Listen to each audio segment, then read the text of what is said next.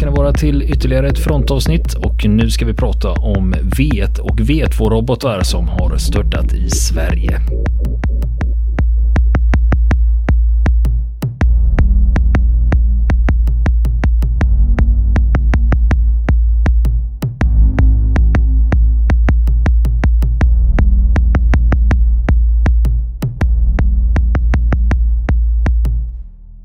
Det var ju så att eh, tyskarna hade en försöksanläggning vid Östersjökusten, Peenemünde. Och det är ju inte så långt från Sverige, det är ju bara 10 mil rakt söder från Ystad. Där ligger den. Men det var ju som sagt en testanläggning där man testsköt raketer Mm. och robotar. Just det, just det. Ut över Östersjön då. Så att då eh, de skulle försvinna i vå- vågorna var det tänkt så att ingen fiende skulle hitta dem och kunna analysera dem. Så var det i teorin i alla fall. Ja, och det här blir ju lite speciellt när de här kom till Sverige. För Första som landar, det är 15 november i landade på Utlängan och det ligger i närheten av Karlskrona i Blekinge. Just det, Blekinge skärgård. Och där kan man ju tänka sig när då, de här skickades ju så småningom till flygtekniska försöksanstalten när man skulle analysera de här vetbomberna då. Och det var just det att på den tiden var man inte riktigt, eh, svenska försvaret var inte alltid med på exakt vad det här var. För ibland var det ju försöksvapen. Så man då försökte rekonstruera de här och se vad det var för någonting. Och man fick ju in flera sådana här. Eh, Det var inte bara en utan sammanlagt är det sju robotar från Tyskland som har störtat, under, eh, som har störtat i Sverige under åren 1943 till 44. Och den första hade ju störtat i Blekinge och sen kommer nästa. Då är det i närheten av Ystad i Skåne och det är bara två veckor senare som den dyker upp. Och de här är i olika skick då. Men eftersom man har fått några stycken, eh, totalt sett får man ju sex stycken, så kan man ju då försöka pussla ihop dem och försöka förstå hur de fungerar. För det här var ju liksom spjutspetsteknologi Mm. som man, svenskarna plötsligt hade tillgång till. Just det. Vetan då, den som såg ut som ett flygplan, det kan man ju egentligen säga att det var ju en, den första kryssningsmissilen. Ja, det är väl Faktiskt. ett bättre sätt att beskriva det. På den tiden, det, det man pratar om inom svenska försvaret är att man kallar dem för lufttorpeder. Det är det närmsta man kan hitta i, sitt eget vokabulär. Just det. Och de här eh, V1 som störtade i Sverige då, de fick eh, undersökas med stort intresse då från Försvarets flygtekniska försöksanstalt och även ma- marinens torpedbyrå. Och det kanske beror på att man, eh, Man sa att det var lufttorpeder. Ja. ja, precis. Ja, och det, och det handlade ju om att eh, det hade slagit fel i beräkningarna när man avfyrade dem. Att de skulle ju hamnat i Östersjön. Helt enkelt. Men eh, de landade i Sverige. Mm. Helt enkelt, slog ner på olika ställen. Det var ju, var inte så bra när man hade ett hem, projekt man försökte hemlighålla. Att eh, det dök upp rester här och var i Nej. ett annat land. Och när det gäller just framdrivningen av V1 var lite speciell för det var en pulsjet. Ja, och pulsjet i sig är en väldigt enkel konstruktion. Och vill ni se hur en pulsjet fungerar, för så fort ni googlar på det så kommer ni hitta massa hemmapulare som har tillverkat egna pulsjetmotorer med hjälp av gasol och så har de svetsat upp lite metallrör. Och med hjälp av det kan man få fram en pulsjet. Och den fungerar ju så att du släpper in bränsle som antänds och då exploderar det och driver det framåt. Och samtidigt som den exploderar, efter det så blir det ett undertryck och då sugs det in mera bränsle och då antänds det av den tidigare explosionen. För den här eh, konstruktionen hettas upp. Så den, du har inget liksom tändstift eller någonting utan den, den, sen blir den Den självgående går av sig självt, ja. med, med, den här, med en serie explosioner. Just det. Det lät ju som en moped. För de som hörde den på marken. I England exempelvis när de sen då 44 efter invasionen i Normandie blev utsatta för en offensiv med, med V1-raketer. Man tyckte att det lät som en moped som kom, far, kom flygande i luften och eh, de var ju inställda på det sättet att eh, man beräknat att bränslet skulle räcka en viss sträcka. När bränslet tog slut, där störtade den. Och London var ju, som man siktade mot, var ju ett så pass stort, eh, stort mål att det kunde man träffa. Det handlade ju inte om någon precisionsbombning, inte mot något specifikt mål, utan det var ju att ställa till med psy eh, psykologisk terror. Sätta skräck i befolkningen helt enkelt. Ett terrorvapen. Så att eh, Londonborna, de minns ju det här från den tiden då att man hörde mopedknatter. Och när det plötsligt blev tyst, då visste man att då gällde det att söka skydd. För då kunde den här landa var som helst. Och man får ju säga mm. för att vara vid den här tidpunkten så var det ju ganska avancerat. För det, den ja. styrdes ju av gyro. Det vill säga att när, den väl, när man väl hade riktat in den och satt av den, då mm. var den ju programmerad. Då höll den säga, den kursen för att hålla till kurs. bränslet och slut. Ja, precis. Ja, det, det är så att den höll balans i luften mm. utan att svänga, utan den skulle fortsätta rakt fram. Så började den tilta lite åt ena hållet, så var det ett gyro som styrde att den skulle stabilisera sig. Precis, just det. Och grejen är med de här V1 när man såg eh, svenska försvaret insåg att man, den, här, den här typen av konstruktioner skulle man ha till olika saker. Eh, marinen, när de tittar på de här, de tänkte så här att där skulle man kunna ha någon form av, om man använde sig av den här tekniken och utvecklade någon form av undervattenstorped så skulle man kunna använda dem till någonting. Och armén tänkte att ja, men det här skulle man kunna ha som någon form av luftvärn för att skicka upp mot anfallande flyg. Och flygvapnet såg den som ett obemannat flygplan och det skulle man kunna ha till lite vad som helst. Mm. Så man skulle ju kunna se mm. det lite i förlängningen av drönarutvecklingen ja. vi har idag. Ja, just det. Jo, faktiskt. Så tidigt var den ute. Faktiskt. Det, det satte igång den typen av tankar redan på den tiden. Sen för svenska försvarets del så var det inte dumt att få, få den här tekniken i knät. Mm. För här kunde man börja utveckla egna system och Saab i Linköping de utvecklar ju så småningom robotar, bland annat RB310 och 311 som tillverkades av Saab efter kriget och de, där var det Vietnam, den tekniken som låg till grund mm. för utvecklingen av det här. Som man hade börjat snappa upp redan under kriget då. Ja, och sen är det också så här att eftersom Pinnemynde var ju en försöksanläggning och de robotarna som landade i Sverige var ju ofta försöksgrejer. Och det gjorde att det fanns andra som var intresserade av de här britterna framförallt och amerikanerna var också superintresserade av det materialet man hade. Just det.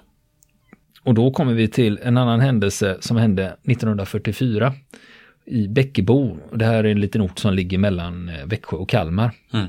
På sommaren där i juni så eh, hör bönderna där en fruktansvärd smäll uppe i luften. Mm. Och sen, det finns flera som beskriver det här att Eh, det är bland annat en eh, lantbrukare där, han säger så här. Det small till så det slog lock för öronen och benen vek sig på hästarna. Himlen som förut var klar blev förmörkad och det började regna blänkande metalldelar. Och det som har hänt det är att en V2, en försöksraket till V2, har exploderat uppe i luften ovanför småländska Bäckebo. Och nu regnar det ner vrakdelar från V2 ner i de småländska skogarna. Mm. Och det, det, här blir ju väldigt intressant för mm. veterna hade man ju sprungit på tidigare. Mm. Men nu förstod man att det här är något annat. Mm. Och ganska, det var något helt annat. Och ganska Precis. snart så det, det, var så att det slog ner en del som exploderade i skogen och det gjorde att det blev en stor jäkla krater. Och den här kratern var ungefär en meter djup och några meter bred och den här kratern finns fortfarande kvar och finns utmärkt om man vill åka till Bäckebo och titta på raketkratern då. Och Eh, det man slog fast ganska snart när, man började, när militären kom dit och började titta på delarna, det var att man kunde, det stod ju på tyska på delarna, så man kunde i alla fall förstå att det här är en tysk grej.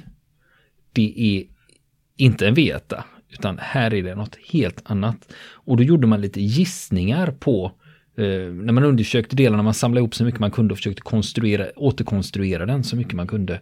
För att, och då förstod man att, men herregud, det här är en stor grej. Men man hade inte tillräckligt mycket delar av den för att förstå beväpningen och förstå riktigt drivsystemet och styrsystemet. Mer än att det var en jäkla massa elektronik i den. Mm, just det.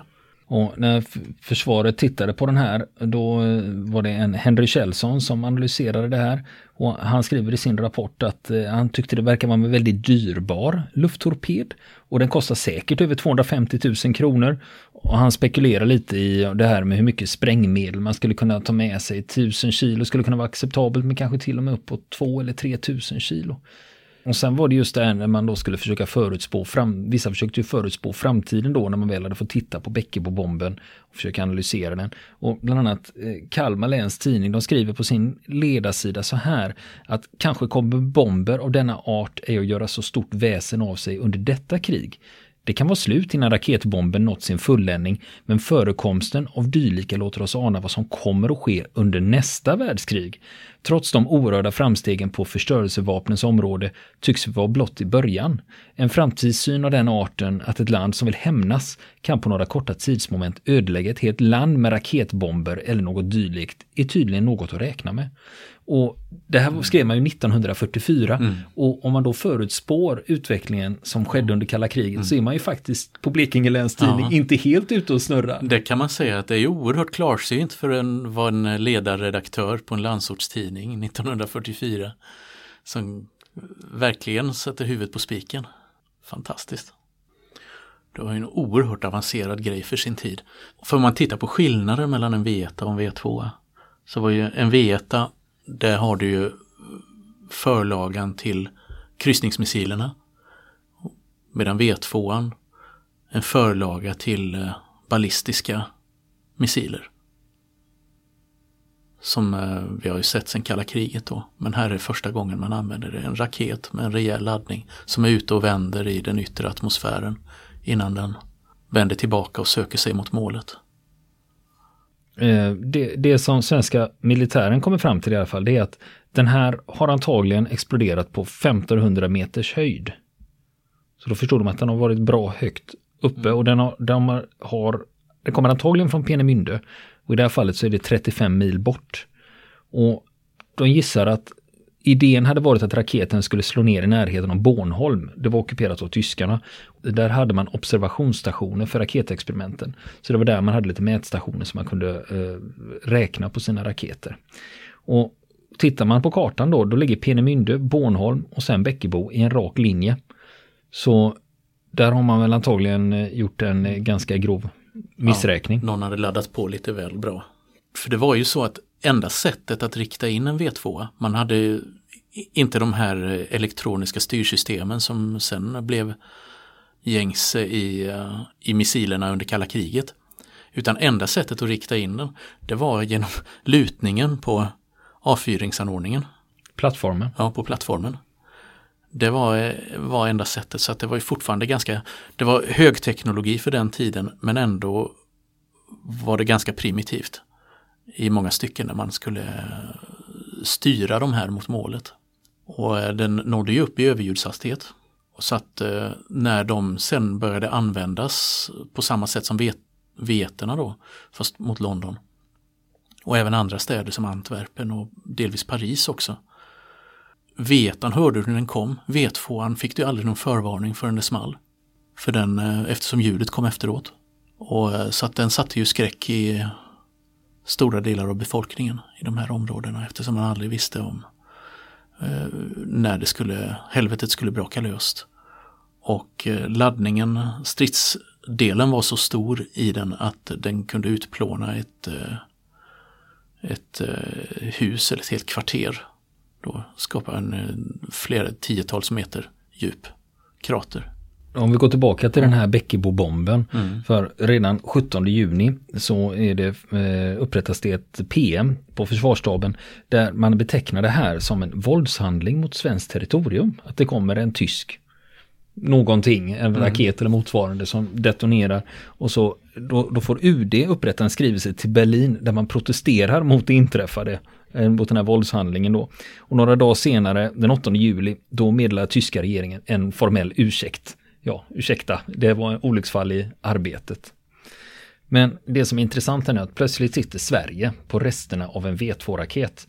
Och, och de har inte skickats mot London ännu. Så att det gör att Sverige sitter med ganska bra trumf på hand om man vill dela lite med engelsmän och amerikaner. Och det gör man. Så man säger det att, eh, för man låg i förhandling om olika saker, det finns två olika uppgifter på det här. Dels är det att det handlar om ett radarsystem som Sverige var intresserad av och det andra var att det var Mustang, flygplanet, som man var intresserad av att få köpa in. Och att den här hade man då som en liten eh, lockelse för att få igenom de här affärerna då. Ja, och efter att ha haft eh, V2an ungefär en månad och analyserat den så plockar man upp de här delarna, la dem i 12 lådor och lådorna transporterades till Bromma flygplats och där flögs de därifrån med C47 Dakota till Skottland och sen flögs de vidare ner till London och där inledde de operation Big Ben och det var ett engelskt projekt som syftade till att sätta ihop vrakdelar från olika delar av Europa för att skapa sig en fullständig bild av raketens utseende och funktion.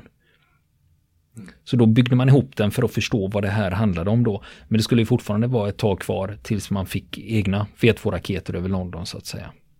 Mm mm just det, apropå delar till V2 så kan jag ju berätta att eh, det finns en plats man kan åka till idag och, se delar till V2 ligga, fortfarande liggande i driver. Vet du vad detta är? Det måste vara på östsidan någonstans av Europa. Ja, det, det är i gamla Östtyskland. Nere i, eh, i sydvästra delen av eh, gamla Östtyskland så finns det en liten stad som heter Northausen och utanför den i ett berg så låg den gamla fabriken där man tillverkade V2-raketerna. För när man började serietillverka dem. Lägerfångar som gjorde detta närbeläget koncentrationsläger var insatta som arbetskraft där och de här tunnlarna är delvis öppna idag som museum. Och där inne så ligger det fortfarande motorer och gyron och eh, stridsspetsar och andra delar till raketer. Så man kan eh, gå och kolla stridsspetsar, alltså noskoner och så vidare som man kan eh, kolla på. Och det är ett intressant ställe Eh, ett jättefint museum de har byggt upp på platsen och jag tror nästan att vi ska prata om det i ett särskilt program framöver för det finns mycket att säga om just den fabriken. Men under tiden så kan vi kan jag bara säga att jag rekommenderar det om ni tar en bilutflykt neråt, eh, neråt Tyskland att eh, svänga förbi där och, och titta. Småländska Bäckebo, eller rättare sagt eh, vi är några kilometer från Bäckebo det här är 200 meter förbi Gräsdals gård, närmare Knivingaryd, det småländska urskogen. Det här är en grusväg och med en liten, liten, liten, liten grusad parkering. Och här står det en skylt, Bomben, en träskylt. Det var svårt att hitta hit. Jag hade väl inte gjort någon riktig GPS-research. Här har man dessutom satt upp en liten tavla det står så här, följ den snitslade stigen 300 meter så kommer ni till bombens nedslagsplats. Det verkar som det här är en liten lokal eh, sevärdhet. Bäckebobomben är ju det den kallas, men på skylten här så står det faktiskt Gräsdalabomben. Och det står här på skylten, 13 juni slog den 14 meter långa raketen ner utanför Bäckebo och skapade världssensationer. Det var den första överljudsraketen och ett första steg till månen. Det står lite samlade fakta här om V2 och radiostyrd raketbomb exploderade i Bäckebo. Och ja, vi ska inte titta i de här skogarna. Alltså, det var här, nu, jag är på väg in nu, det är 300 meter från parkeringsplatsen. Och den är ganska väl upptrampad stig och den är dessutom snitslad ordentligt. Småländsk urskog, det är november. Lite blött i markerna men jag har ganska rejäla kängor på mig. Så för mig är det inga problem att ta mig fram här. Det är ingen idé att försöka ta sig hit med rullstol och barnvagn ser jag direkt utan det är en liten, liten stig som går genom skogen. Det var svårt att hitta. Det var jag som inte hade researchat ordentligt. Man kan ju knappa in GPS-koordinaterna och köra hit. Fast jag gjorde några missar. Jag hade läst en vägbeskrivning som var bara kör från Kalmar mot Bäckebo. Efter Bäckebo efter Knivingaryd svänger du vänster och det ska man inte göra utan det är innan Knivingaryd man ska svänga vänster mot Nybro. Sen kommer skylten Gräsdal. Det står inte Gräsdals gård på skylten utan det står Gräsdal. Sen följer man den grusvägen några kilometer. Till slut står det på en träskylt Bomben. Otroligt fridfullt. Det här är ju Smålands urskog. Det bor ju ingen folk här i närheten. Det finns en gård några hundra meter bort här men utöver det så finns det ingenting. Och det var här juni 1944 som bönderna här i trakten hörde ett dån uppifrån himlen och det började regna ner metallskrot. Så sent som 2004 har folk hittat metallskrot här i skogarna. Även om försvaret var här och försökte samla in så mycket som möjligt för att skicka det till analys i Stockholm. Så fick de inte med sig allt. Och ger man sig ut här med metalldetektor jag är övertygad om att du kan hitta rester av den tyska V2-raketen. Jag har gått cirka 200 meter och nu kommer jag ut på ett eh, fält. Det ser ut som ett kalhygge. Ett gammalt kalhygge. Det är ganska stor skillnad från när man var inne i skogen och det var mörkt. Här blir det ganska ljust. Det här är ju mitt på dagen så att det är väl ändå tur att man inte behöver göra den här utflykten i gryning eller skymning. Nu har vi passerat kalhygget och vi fortsätter på en väl upptrampad stig och det är väl snitslat, inga problem att hitta. Nu ska vi se hur många hur långt det är kvar till kratern. Förhoppningsvis så är den utmärkt. Och när man kommer gående i skogen här så står det alltså en modell av en V2-raket. Och nu är jag framme vid kratern. Och det var här den slog ner. Kratern är ungefär 6 meter i diameter. Den är skålformad och bakom den står en V2-raket. Helt sanslöst sjukt. Den här V2-raketen, den här modellen som står här bredvid kratern. Den är ju mycket högre än mig. Jag skulle gissa på att den är ungefär 3 meter. Byggd i någon form av trämaterial. Modellen är förankrad ner i marken med ett stålrör. Jag går nu ner i Bäckebokratern och står på botten och när jag tittar, ja, brösthöjd skulle jag väl säga. Ungefär en meter, en meter djup. Och tänker jag säga då att det här, den här kratern gjordes av en detonation för 71 år sedan. Och den är fortfarande kvar här. På skylten vid Bäckebokratern så står det Bäckebo-torpeden slog ner på denna plats den 13 juni 1944. Bäckebo-torpeden visade sig vara en felriktad provraket A4 som avfyrats från den tyska hemliga forskningsanläggningen i Peenemünde vid Östersjön. Under andra världskrigets slutskede, mellan september 44 och mars 45, kom raketen att användas som ett vedeldningsvapen. V2 mot de allierade. Sammanlagt avsköts nära 3000 stridsladdade V2-raketer. Från tyskarnas raket utvecklades efter kriget de raketer som gjorde rymdfärderna möjliga.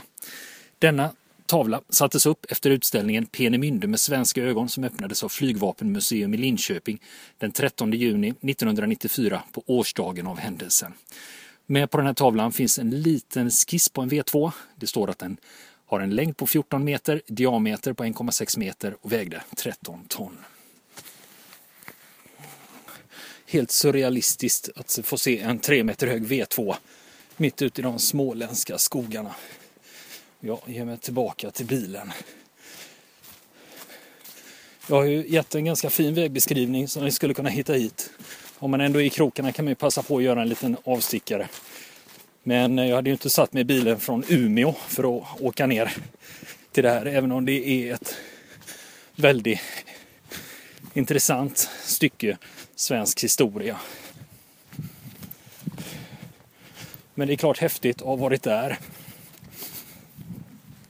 Ja, nu är jag på väg tillbaka över det här kalhygget. På långt, långt håll kan man faktiskt höra lite biltrafik utifrån väg 125 som är någon kilometer bort här.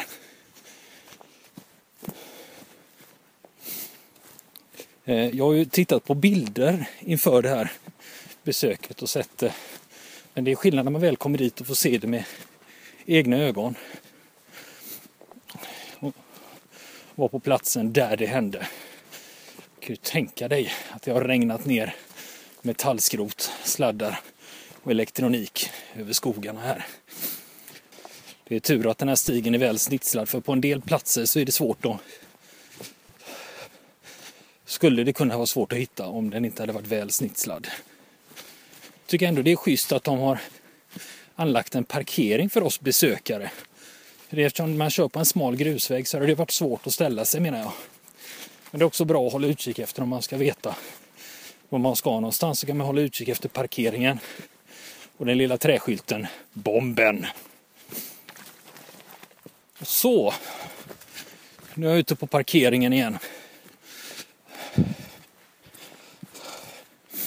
Det var intressant att se.